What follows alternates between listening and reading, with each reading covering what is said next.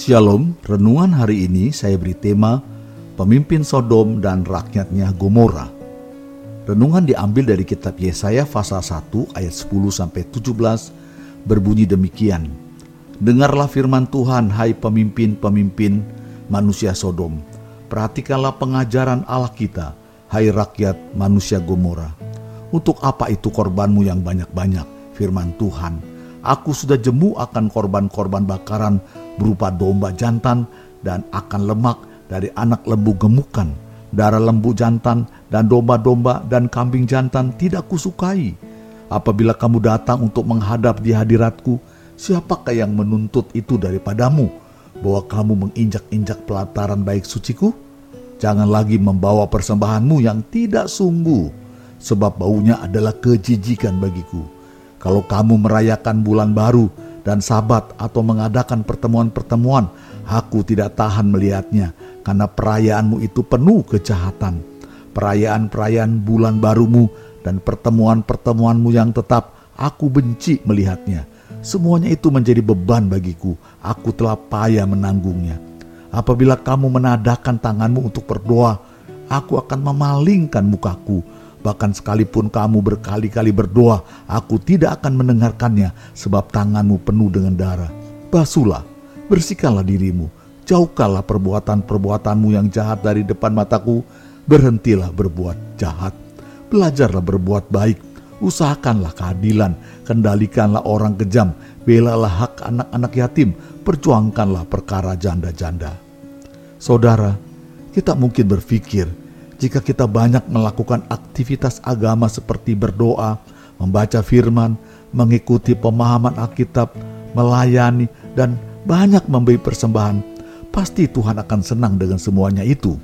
Oh, saudaraku, ternyata belum tentu. Coba kita perhatikan ayat-ayat yang baru saja kita baca tadi, yang mengupas bahwa aktivitas agama yang baik itu jika tanpa diikuti perbuatan mengasihi sesama, hal itu akan sangat memuakkan Tuhan. Demikian sangat muaknya Tuhan terhadap umatnya, sehingga ia memanggil mereka dengan sebutan manusia Sodom dan Gomora.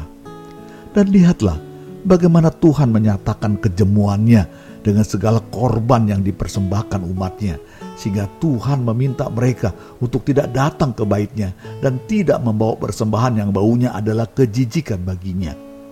Bahkan Tuhan menyatakan bahwa sekalipun mereka terus berdoa, ia akan memalingkan mukanya. Adapun alasannya adalah dalam ayat 11 sampai 15 tertulis tanganmu penuh dengan darah. Karena itu Tuhan meminta mereka untuk membersihkan diri, berhenti berbuat jahat dan belajar berbuat baik. Saudara, apa yang dimaksud dengan supaya mereka berbuat baik? Maksudnya adalah perhatikan ayat 17 usahakanlah keadilan, kendalikanlah orang kejam, belalah hak anak-anak yatim, perjuangkanlah perkara janda-janda. Dan baru ketika ada umat yang bertobatlah, dosa umat yang merah seperti kirmis itu akan menjadi putih seperti salju. Saudara, lihatlah bahwa para nabi tidak mengecam umat karena kurang mempersembahkan kurban atau kurang menghadiri perayaan atau kurang berdoa tetapi mereka lebih berfokus pada bagaimana mereka memperlakukan sesama, terutama orang-orang lemah di antara mereka. Artinya, orang dengan iman sejati adalah orang yang bukan hanya aktivitas agamanya baik, melainkan juga yang mengasihi dan yang berbelas kasihan kepada sesamanya. Mungkinkah masa pandemi yang terjadi merupakan cara Allah menyatakan kemuakannya atas ibadah-ibadah kita selama ini? Atau setidak-tidaknya kita diminta oleh Allah untuk mengintrospeksi atas semua perilaku ibadah-ibadah kita yang bisa jadi sangat menjemukan, bahkan memuakan Allah. Karena yang Tuhan mau bukan sekedar aktivitas agama yang baik, melainkan juga perilaku kasih dan belas kasihan terhadap sesamanya. Saudaraku, apakah kita sudah memperlakukan orang-orang di sekitar kita dengan baik? Bagaimana kita memperlakukan pegawai, asisten rumah tangga kita, atau tetangga kita yang membutuhkan pertolongan? Bagaimana kita memperlakukan orang-orang miskin yang kita temui di jalanan? Saudaraku, ketahuilah bahwa iman sejati tercermin dari bagaimana sikap kita terhadap orang lain dan bagaimana kita mengasihi sesama, bukan sekedar sikap dalam tata ibadah kita. Amin. Mari kita berdoa.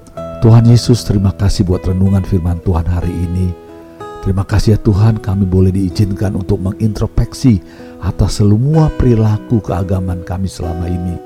Ampuni kami ya Tuhan jika ada hal-hal yang tidak berkenan di hadapan Tuhan atas apa yang kami lakukan selama ini. Tuhan, jadikan kami seorang yang memiliki iman yang sejati, seorang yang tidak hanya aktivitas agamanya baik, tetapi juga yang memiliki kasih dan belas kasihan terhadap sesama orang-orang di sekitar kami.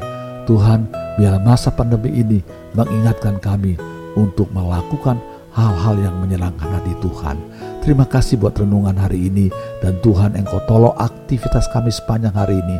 Jadikan hidup kami berkat bagi banyak orang di sekitar kami. Di dalam nama Tuhan Yesus kami berdoa. Haleluya. Amin.